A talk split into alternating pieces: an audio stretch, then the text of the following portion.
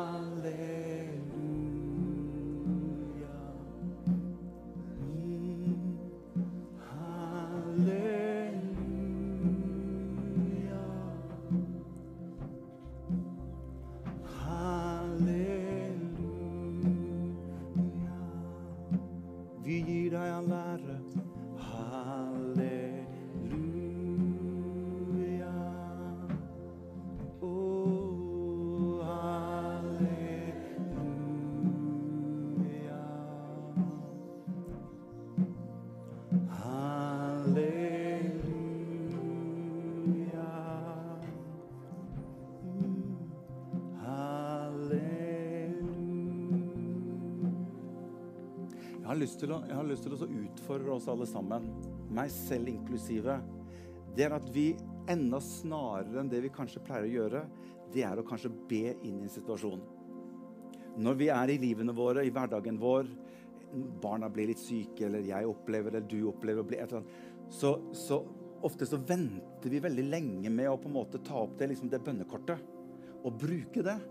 Jeg har lyst til å utfordre oss at kanskje vi trenger å flytte den bønnen enda nærmere topprioritering. At vi på en måte kan av naturlighet henvende oss til Gud. Som en naturlig del av livet vårt sammen med Jesus. At når vi er oppe i situasjoner, eller noe skjer, eller noen barn blir syke, eller vi opplever en situasjon som er vanskelig, at vi tar fram det bønnekortet mye før. Og vi til, hva heter det for noe? Vi til, tilregner Gud muligheten til å kunne gripe inn. For jeg tror at Hvis vi alltid på en måte bruker det som en slags form for sånn sisteutvei, ja, ja, da får vi kanskje prøve å be, så blir på en måte motivasjonen det blir liksom en sånn slags form for siste utvei. Jeg tror vi kan være med å ære Gud, med å ta frem det mye tidligere og si Gud, du er jo en naturlig del av livet vårt. Og nå er vi oppe i denne situasjonen her, Gud. Vi ber en bønn, dere. Og la Han få lov til å slippe til mye før enn det vi vanligvis pleier å gjøre. Og jeg må jo ta meg sjøl i det. Jeg venter veldig lenge. Og Jeg tenker at Vi må få det inn som en mye større naturlig del av livet vårt. Så framover nå, dere, Pinsekirken, la oss ta oss og flytte det bønnekortet mye lenger opp. Og la oss være med oss og forvente at han kan få lov til å gripe inn. Er ikke det helmaks? At han liksom Ja, men da grep han inn, vet du, han. Ja, vi ba en bønn hjemme, vi, og da grep han inn, han. Noen ganger så tror jeg husker Det var en som kom til Reinhard Bonke en gang og så sa vet du hva, vi ser så lite blinde som får synet tilbake. Og så sier Bonke ja, men hvor mange blinde har du bedt for det siste året? Nei, jeg har ikke bedt for en eneste en. Nei, men Da er det ikke rart at ikke du ser noen blinde. Det har noe med på en måte evne til å kunne hva skal jeg si, gjøre noe og legge hendene på noe og be inn i situasjoner. Og Jesus er der. Og jeg tror han elsker det at vi tilregner han den muligheten til å være en overnaturlig Gud inni livene våre. For vi tror på en overnaturlig Gud, gjør vi ikke det? Som har all makt i himmel og på jord. Halleluja. Og det er jo fantastisk når det skjer. Jeg husker Jonathan når han var liten gutt. Han tok ikke imot noe mat. Nå har han blitt litt større enn da han var, når han var, uh, liten. Da spiste, nå spiste han. Det er ikke rart han spiste, han ble jo skikkelig bredd da. For det, han, tok ikke, han tok ikke imot seg noe mat i det hele tatt. Og Vi var i ferd med å skulle ta han til legen. Jeg tror vi hadde time for han også. og Han, han vokste ikke, og han tok ikke mat. og vi, Jeg ble liksom fortvila. Jeg husker jeg var hjemme med han en formiddag. Og Jonathan sitter på kjøkkenbenken. og Han spiser ikke, og han begynner å bli sliten og begynner å bli tynn. og begynner å ikke ta seg som mat. Og Jeg husker jeg la hendene på han og sier, vet du hva? I Jesu, av Nasarets navn, så begynner du å spise, Jonathan. Og siden har han spist. Nå er det nesten sånn I Jesu nas, nå må du roe deg ned, sier Herren. Men så Vi tror på en Gud som kan gripe inn dere. Og Det skal bare være en naturlig del av livet vårt sammen med Jesus. Det er at vi har en Jesus som griper inn i livene våre. Amen. Dere, vær så god og sitt ned, alle sammen. Takk til sanger og musikere for å ta oss med inn i Guds nærhet. Det er fantastisk.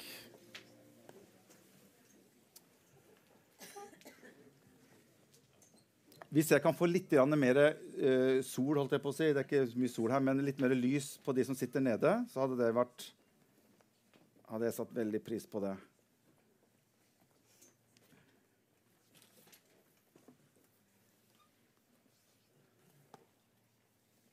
Er det bra med dere? Jesus lever. Og uh, vi, uh, vi, vi opplever at Gud, at Gud gjør ting i, eh, i, eh, i, kirken vår, og Gud rører ved mennesker. Og um, bare sist søndag, på Bli, Bli-samlingen sist søndag, så opplever vi hvordan bare Gud kom med en fantastisk sterk atmosfære og rørte ved mennesker helt bokstavelig forrige søndag. Jeg Har lyst til å bare si til dere at De Bli-kveldene som kommer utover og, og, neste år, de må dere bare få med dere, for de kommer til å bli fantastisk sterke kvelder hvor Gud kommer til å røre ved mennesker. Jeg bare jeg profeterer det for dere. At det kommer til å bli fantastisk sterke samlinger hvor Gud kommer til å røre ved mennesker. Så få med dere de bli-samlingene utover. Det, det, det, blir bra. Mennesker ble helbredet forrige søndag. Og Gud rørte ved mennesker på en veldig sterk måte. Og det liker vi. Amen. Eh, jeg skal eh, du ser, Jeg har pynta meg litt i dag. Ser du det? Så, eh, I dag må jeg ha på meg slips, tenkte jeg. Nå er det så lenge siden jeg har hatt på meg slips. Og så tenkte jeg, ja, men hvorfor har du på deg slips? Jo, for det er lenge siden jeg har hatt på meg slips. Det er en av, det er en av grunnene. Og så har jeg jo slips som bare henger der. De bare støver bort. Så jeg tenker, jeg må jo bruke noe. Og så er det jo andre søndag i advent. tenkte jeg, Det er det i dag. Og så er det jo så mange fantastiske kvinnemennesker som kommer. Og så har vi jo menighetsmøte i dag. tenkte jeg, Det er jo liksom en, sånn, det, det er en grunn til. Og så er det noen som skal få litt blomster i dag. tenkte jeg, I dag må jeg ha på meg slips. Og så har jeg satt, sett på Jarle Valdemar på TV på NRK, og han har alltid på seg slips. tenkte jeg, jeg må følge opp lite grann. Han, de tror at han pastoren her han har jo aldri et slips på seg. Men jeg har slips, så eh, det har jeg på meg i dag. Er det ikke fint? Ja? Bra? Men vi skal ha siste del i denne, i denne serien vi har, hvor vi har snakket om dette med Jesus hele livet ved Den hellige ånd, som vi opplever har vært fantastisk fine samlinger. Og tusen takk for at dere er med og gir tilbakemeldinger. Og, og vi opplever at Gud gir oss noe gjennom disse, disse, samlingene og får et mer bevisst forhold til Den hellige ånd i livene våre. For vi ønsker og vi tror på et livslangt trosliv sammen med Jesus. Vi tror ikke dette er noe som vi bare holder på med en sånn liten periode i livene våre, men vi tror på at vi skal ha Jesus i livene våre hele livet. Og Derfor så tror jeg også at Den hellige ånd er en utrolig viktig del av nettopp det å leve et kristenliv. Et kristenliv uten Den hellige ånd det er et kjedelig og tørt kristenliv. Det blir et tungt og vanskelig kristenliv. Og det visste Jesus om. Derfor så introduserte Jesus Den hellige ånd til sine disipler og sier at 'jeg har ikke tenkt å bare etterlate dere på, på egen hånd'. Og nei, nei, nei. Jeg kommer til å sende noe som er fantastisk bra. Den hellige ånd, og han skal være sammen med dere. Han skal være i dere, han skal være hos dere, og han skal være en kilde til liv på innsiden av dere som dere kan øse fra hver eneste dag. Det er ikke noe som, det er ikke sånn åpningstider, men der er det åpent 24-7. Og du og jeg vi kan lære oss å bare liksom koble oss på det som Gud har gitt oss på innsiden. Det gjør at livet sammen med Jesus får en helt annen trøkk på seg når vi lærer Den hellige ånd å kjenne i livene våre. Så vi har hatt eh, vi har tre samlinger. Dette blir den siste. Eh, og vi har hatt som utgangspunkt det som står i andre Korinterbrev. Husker dere hva som står der? Kapittel 13 og vers 14. Der skriver Paulus det siste han skriver til denne menigheten Korint, som det ikke sto så veldig bra til med, som i utgangspunktet var et håpløst tilfelle for Paulus. Men han gir ikke opp, og han skriver disse fantastiske brevene og avslutter hele hva skal vi si, brevdialogen sin med disse fantastiske ordene. Må vår Herre Jesu Kristi nåde og Gud vår Fars kjærlighet og Den hellige ånds samfunn være med dere alle. Så Han sier det er tre ting som dere må få med dere. Det er farskjærligheten, det er Jesu Kristi nåde, og ikke minst, igjen så må dere ha samfunnet med Den hellige ånd som en del av livet sammen med Jesus. Og Forrige gang så eh, begynte vi med disse, Jeg hadde sånne tre sånne ting som Den hellige ånd er viktig for i livene våre. I meg, gjennom meg og for meg. Og vi begynte akkurat så vidt på denne i meg, hvor vi snakket om Den hellige ånd i meg. At Den hellige ånd i meg har en rolle med og hva skal si, være med å hjelpe og bekrefte meg at jeg er frelst. Vi snakket om at Den hellige ånd vitner med min ånd at jeg er et Guds barn. Og Det er en veldig sterk funksjon som Den hellige ånd har i oss. Det er at han vitner med min ånd og sier 'Abba, far, jeg tilhører Jesus'. Så når du og jeg noen ganger føler oss at 'jeg er ikke verdig', eller jeg, 'nå tror jeg ikke Gud liker meg', eller 'nå tror jeg kanskje jeg er litt på avstand', eller 'nå har det skjedd noe i forholdet vårt', så er Den hellige ånd i oss. Den vil alltid minne oss hvilken status vi har. Noen ganger lar vi følelsene våre ta oss med og forteller deg og meg hvordan det står til med Gud. Og noen ganger kan de følelsene fortelle deg det som er galt. Men det er din posisjon i Kristus som Den hellige ånd alltid vil peke imot. Og han vil alltid si, 'Du er et Guds barn'. Nei, du er ikke fullkommen, og jeg er ikke fullkommen. Men likevel, i Kristus Jesus så har han gjort oss fullkommen. Og det er den posisjonen Den hellige ånd alltid vil henvise til i livene våre og fortelle deg og meg at selv om ikke det står så bra til alltid, så er du og jeg et Guds barn. Er ikke det fantastisk? At han kan ha en sånn rolle. Og ikke bare det, han har også en rolle oppimot troslivet vårt. Det er Den hellige ånd som hjelper oss til å øke vår tro. Vi snakker om dette med at troen kommer av å høre Guds ord.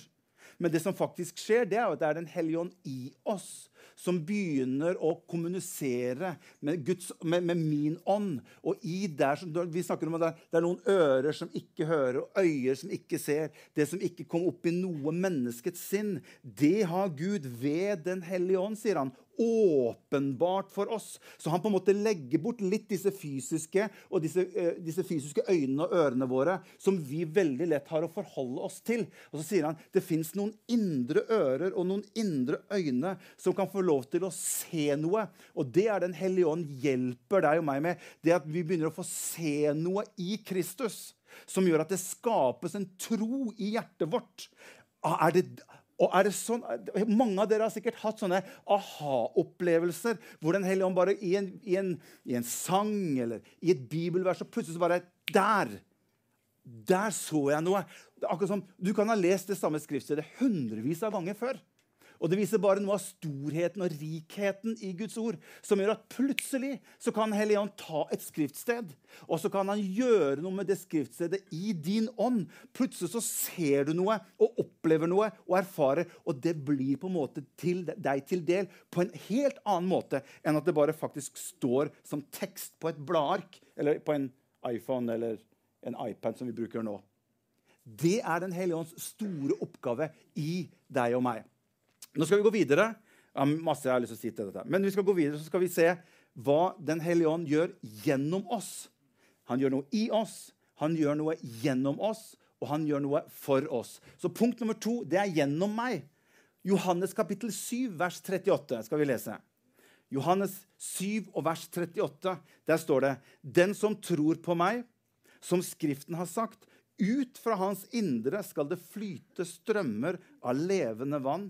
Men dette sa han om ånden, den som skulle bli gitt dem som trodde på han. For Den hellige ånd var ennå ikke gitt, siden Jesus enda ikke var herliggjort. Så her har du noe av Den hellige ånd som virker igjennom deg og meg. Vi får en kilde i oss som på en måte den onde ønsker at vi skal Den skal på en måte være noe som springer ut ifra ditt og mitt. Han virker gjennom våre liv. Han virker i oss, han virker gjennom oss. Og så skal vi gå til det tredje punktet, for jeg har noe annet jeg også har lyst til å vise dere. Det er at han virker for oss. Se hva som står i Romerbrevet kapittel 8 og 24. Romerne, altså romerne, romerne 5, 6, 7 og 8 er jo, det er jo fantastiske kapitler. Det var noen som sa at hvis, hvis Skriften var en ring, så ville romerbrevet vært stenen på den ringen. Og kapittel 8 det ville vært gjenskinn eller utstrålingen ifra den stenen. Så Romer kapittel 8, når Paulus skriver det, handler jo veldig mye om vår relasjon med Den hellige ånd i livene våre. Og Her skriver Paulus noe fantastisk i Romerne 8 og vers 24. Da skal vi tenke på litt hva ånden gjør for oss. Der står det For i dette håpet ble vi frelst. Men et håp som blir sett, er ikke lenger noe håp. For hvorfor håper en fortsatt på det en ser? Men hvis vi håper på det vi ikke ser, lengter vi etter det med utholdenhet. Og så står det, så sier Paulus, på samme måten hjelper også Ånden oss. Det er Ånden med stor Å det er ikke min ånd, men ånden her er Den hellige ånd. Det er den Paulus refererer til. Han sier på samme måte hjelper også ånden oss i våre svakheter. For vi vet ikke hva vi skal be om slik vi burde. Men ånden selv, Den hellige ånd, går i forbønn for hvem? For oss, med sukk som ikke kan uttrykkes med ord. Fantastisk å ha en sånn hjelper. Når Jesus sier at 'jeg skal sende dere en som skal være hos dere' Han blir på en måte denne som Johannes snakker om, denne parakletos, en som går sammen med oss. Og Noen ganger så kan du og jeg oppleve at vi greier ikke helt å sette ord på ting som vi ønsker å be om. Vi vet ikke helt hva vi skal be om. Da kan vi ha en fortrolighet og vite det at Den hellige ånd i meg den kan faktisk gå i forbønn for meg. Paulus snakker ved et annet tidspunkt han snakker om dette med når jeg taler med tunge. sier han, når jeg taler med mine tunge, så sier han når jeg taler i tunge, så er det min ånd som ber, sier Paulus. Paulus snakker om at jeg vil be med min forstand. Altså, Jeg vil be at jeg skjønner hva jeg sier. Men så har du denne gaven med denne, at du blir døpt i Den hellige ånd, og du begynner å få en tungemålsgave som jeg tror at alle mennesker har mulighet for å oppleve. Da sier faktisk Paulus at når jeg taler i tunge, sier han, da er det min ånd som ber. Men jeg tror også Den hellige ånd kan hjelpe deg og meg uavhengig om vi har den erfaringen eller ikke. At Den hellige ånd i oss kan få lov til å For den kjenner på en måte hvordan det står til på innsiden av oss. Og hvis vi har en relasjon til Den hellige ånd, så kan vi si Hellige ånd, vet du, du må bare hjelpe meg. Jeg, jeg, greier ikke helt akkurat nå å sette ord på følelser eller sette ord på hva jeg opplever. Og så kan Den hellige ånd få lov til å gå i forbønn for deg og meg i livene våre. Må ikke du gå hjem og si vet du hva, Helion, jeg overlater bønnelivet til deg, og så kan jeg på en måte bare liksom se litt på TV her. Det er ikke sånn det fungerer. Nei, nei, nei. Nei det har noe med at du i relasjon med Den hellige ånd er oppe i en situasjon eller noe hvor du opplever dette er utfordrende eller vanskelig, så kan Den hellige ånd få lov til å komme til hjelp. Og han kan få lov til å uttrykke seg innenfor Gud på vegne av deg og meg.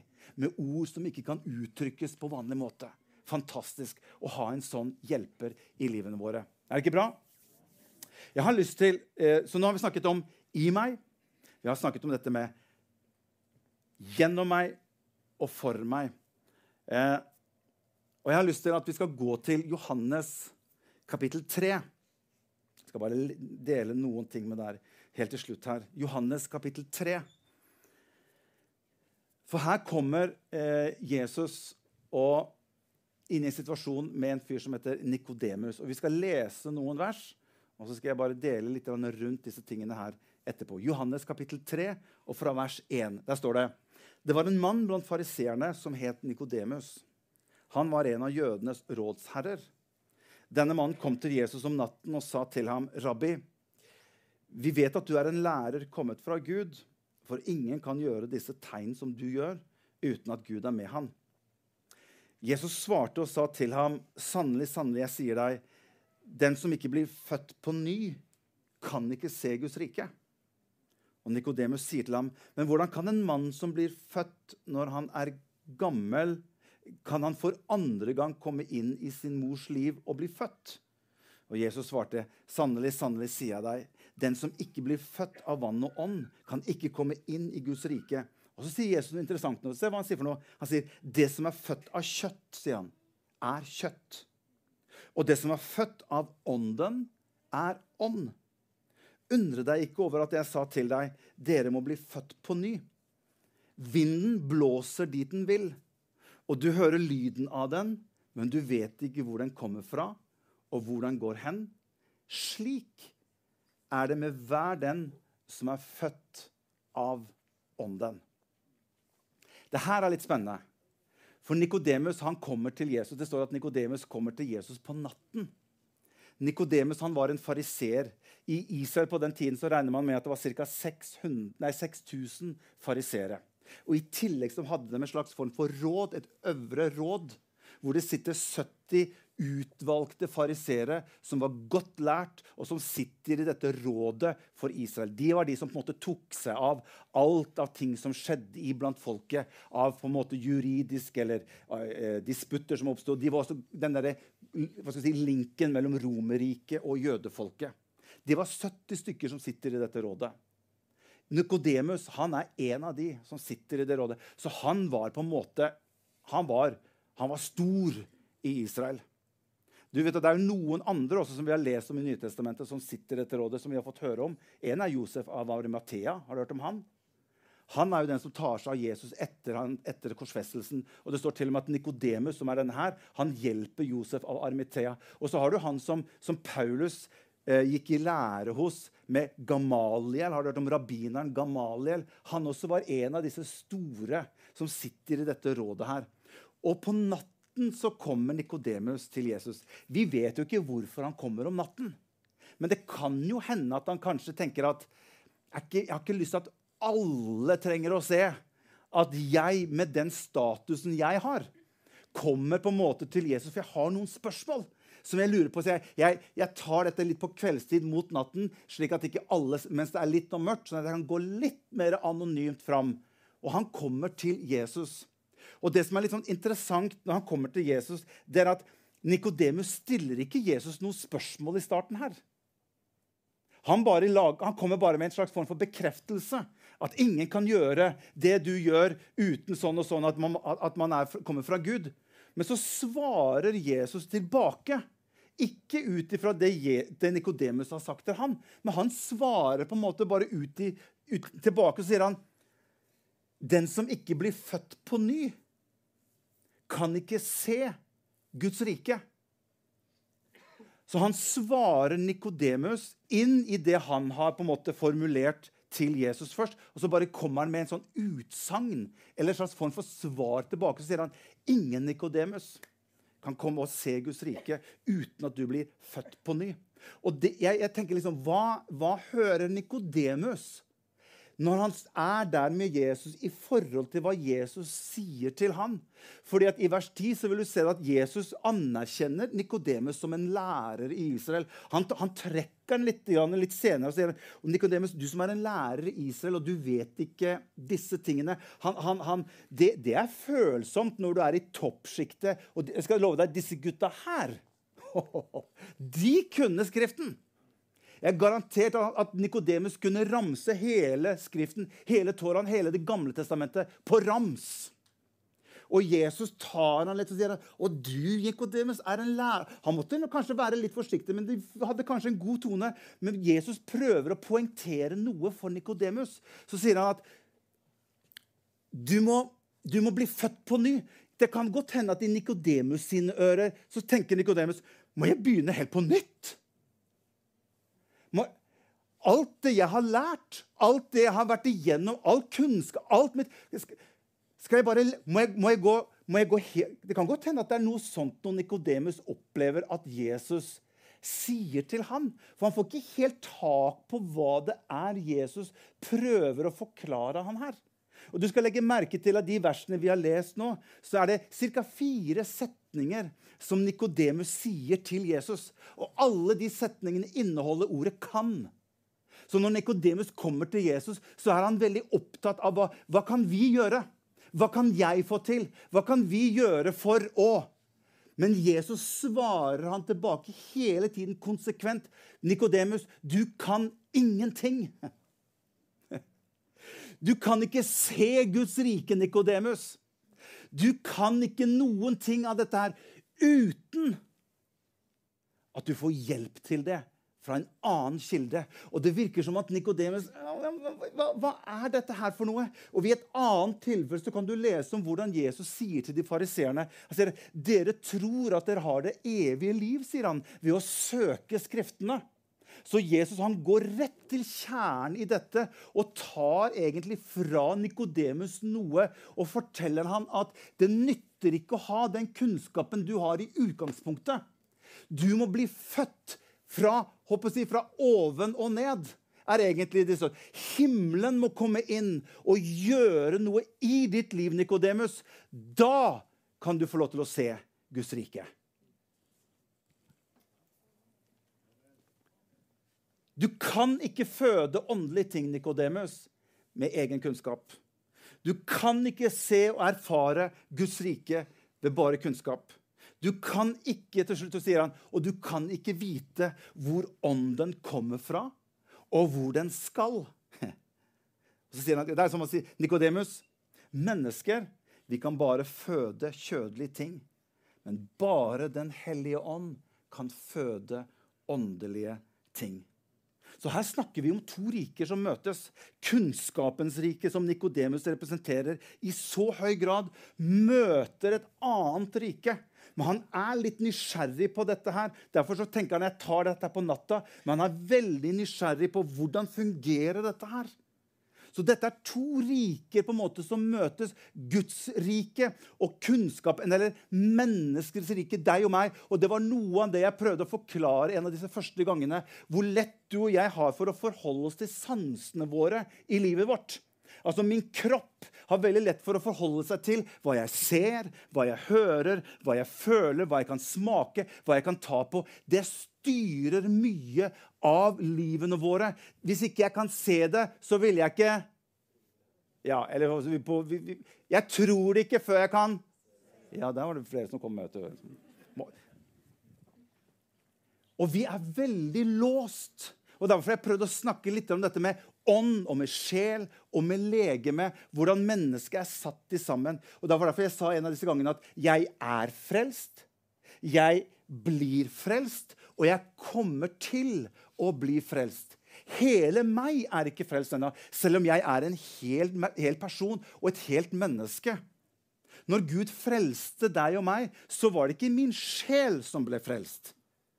Jo, men han frelste fire sjeler på søndag, pleier vi å si. Jo, men det var ikke din sjel som ble frelst. Det var din ånd som ble frelst. Det er derfor Jesus sier til Nikodemus at du må bli født på ny. Og så sier han kjøtt er kjøtt, men ånd er ånd. Vi kan ikke blande disse tingene her. Derfor er, Når jeg blir født på ny, så er min, mitt indre menneske, som vi også kaller det, min ånd er født på ny ved Den hellige ånd. Og Den hellige ånd har tatt bolig i min ånd. Og jeg er født på ny. Jeg er gjort fullkommen. Jeg driver ikke en prosess for å gjøre det mer fullkomment. Nei, nei. Det er så fullkomment som det kommer til å bli. Derfor Hvis Jesus hadde kommet igjen nå, så hadde jeg gått rett hjem. Han hadde ikke sagt nei, du er ikke helt ferdig med ånden din. Morten. Nei, min ånd er gjort fullkommen. For han er min frelser. Han er min gjenløser. Han er min rettferdighet. Alt han er, er jeg blitt i min ånd. Men min sjel er jo ikke helt i orden ennå. Jeg jobber fortsatt på min sjel, så jeg blir frelst. Det er derfor Paulus sier at la deg forvandle. Dere trenger å ta den sjelsdelen og la den få forvandles ved at deres sinn fornyes. Så min sjel er i en prosess av å bli frelst. Min kropp, som, som, som, jeg, si, som jeg går rundt i, ja, den er forgjengelig, kaller Bibelen den. Det betyr egentlig at min kropp forgår. Og jeg blir eldre og eldre. og Jeg ser på noen av dere, skal ikke nevne navn, men det er noen som begynner å, å, å, å, se eldre ut. Vi kommer ikke bort ifra. Vår kropp er forgjengelig. Men hør, den skal også bli frelst. Når, når Jesus kommer tilbake, så står det at da skal de døde først stå opp. Og så skal den kroppen, da skal hele meg gjøres om til at jeg blir sånn som Jesus var når han sto midt iblant disiplene sine. Så nå kan vi dele fellesskap. Men når han sto opp ifra de døde, så sier han til Maria som sto der han sier, Ta ikke ved meg, rør ikke ved meg, for jeg har ennå ikke vært hos min far. Han hadde ennå ikke fått den kroppen han skulle ha. Du og jeg vi skal få forherliggjorte kropper. Da skal vi bli som han likte, så at vi skal se han som han er. Og i et øyeblikk, i et nu, da skal vi bli som han. Men det er dette Nikodemus han, han greier ikke å forstå dette her. Og Jesus prøver å forklare at kjøtt er kjøtt. Så Nikodemus, den første gangen du ble født, så ble du født som et fysisk menneske. Men den andre gangen du blir født, så blir du født som en ny skapning på innsiden av deg. Og hvis ikke du får den opplevelsen, så kan du ikke se Guds rike. For eneste veien inn i Guds rike, den går gjennom at du og jeg blir født på nytt.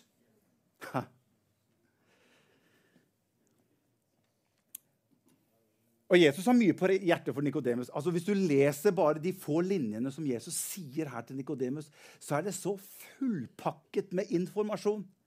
Så egentlig kunne Jesus kunne egentlig ha, ha stoppet her, tenker jeg. Og Nikodemus hadde sikkert hatt masse nok å tygge på når han gikk fra, fra, fra Jesus. Jesus har allerede snakket om den nye fødsel i disse versene. Han har snakket om Guds rike. Og han har snakket om muligheten til å erfare dette riket. Alt dette har han gått igjennom med Nikodemus bare på noen få setninger. Men Jesus er ikke ferdig ennå. Han ønsker å strekke Nikodemus enda litt til mens han, mens han har han der.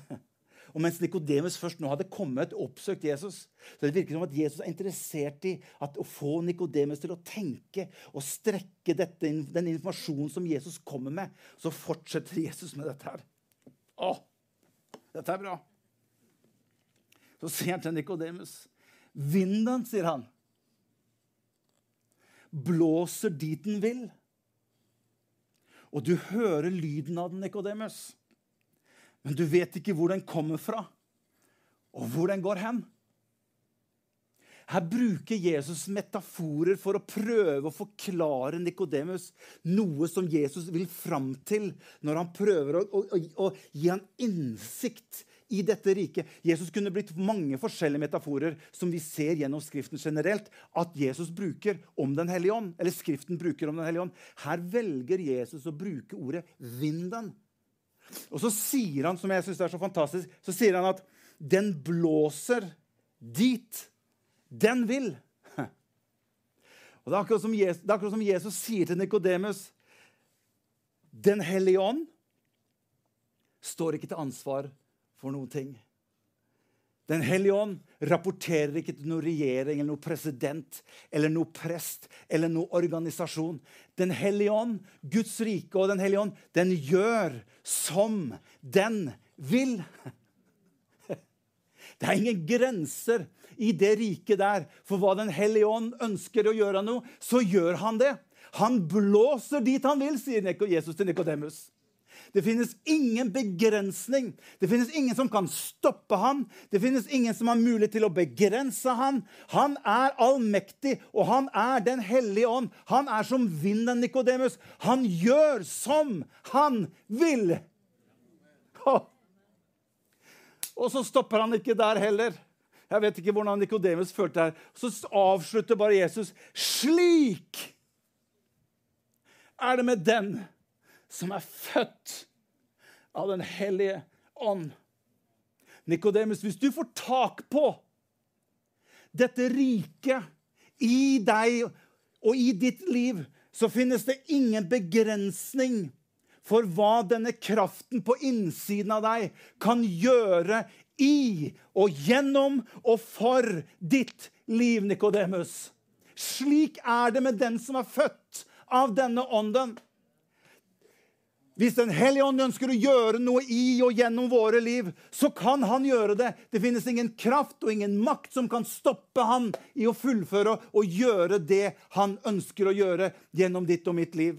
Hvis vi åpner opp og lar han få lov til å virke i og gjennom og for våre liv. Han er den største. Han er den høyeste. Han er den kraft som reiste Jesus opp ifra de døde. Og Skriften sier at den bor ved troen i våre hjerter. Nikodemus, du må få tak i Den hellige ånd. Du må bare bli født på ny og koble deg på det rike. Og da kan du få lov til å oppleve oppleve denne vinden i ditt liv. At hvis du har noe som er vanskelig og utfordrende, så har du fått en kilde på innsiden Nikodemus, som er noe mer enn den kunnskapen som du har fått til nå. Det er den som gjør at det overnaturlige kommer inn i bildet, og Gud kan få lov til å være Gud, som han har vært i Skriften Nikodemus til nå. Da kan du få lov til å begynne å erfare ham i ditt eget liv som noe mer enn bare kunnskap du har tillagt deg. Men han er en levende virkelighet, boende boende i ditt hjerte, Nikodemus, og han er deg til del. Halleluja. Det er ingenting som kan stoppe den. Kan vi ikke reise oss opp alle sammen til slutt? Lovsangen dere kan få komme opp, og så skal vi synge litt til slutt her.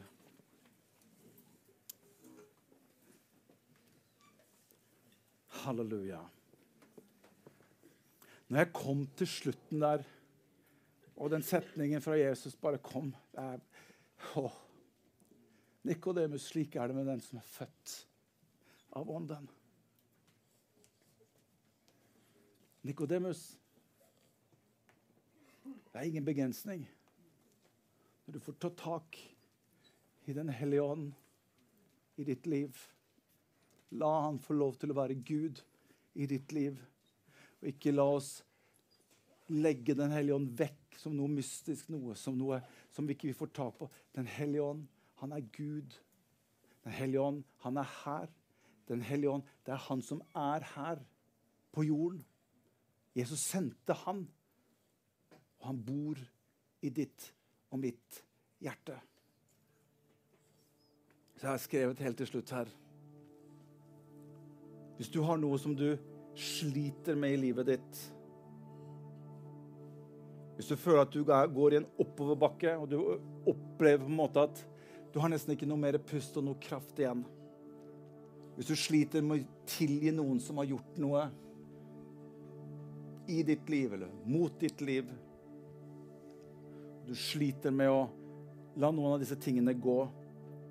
Hvis du står oppe i en situasjon og du trenger å få løst et problem Hvis du trenger å bryte en vane som ikke er bra for deg hvis du opplever det er noe du ikke kan gjøre, hør. Den hellige ånd kan. Den hellige ånd kan. Du har kraften fra himmelens vind i ditt liv. La han få lov til å være vinden ifra himmelen i ditt liv. Kan vi ikke bare lukke øynene våre, så står vi bare i hans nærhet, og så kan du bare få lov til å koble deg på Den hellige ånd og si, Hellige ånd, jeg ønsker at du skal være denne vinden i mitt liv. Hjelp meg til å koble deg på mye, mye mer i mitt sinn og mine tanker og i min hverdag.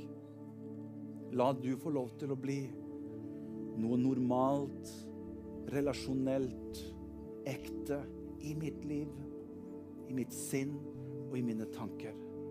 Far, jeg ber deg for hver eneste en som er her.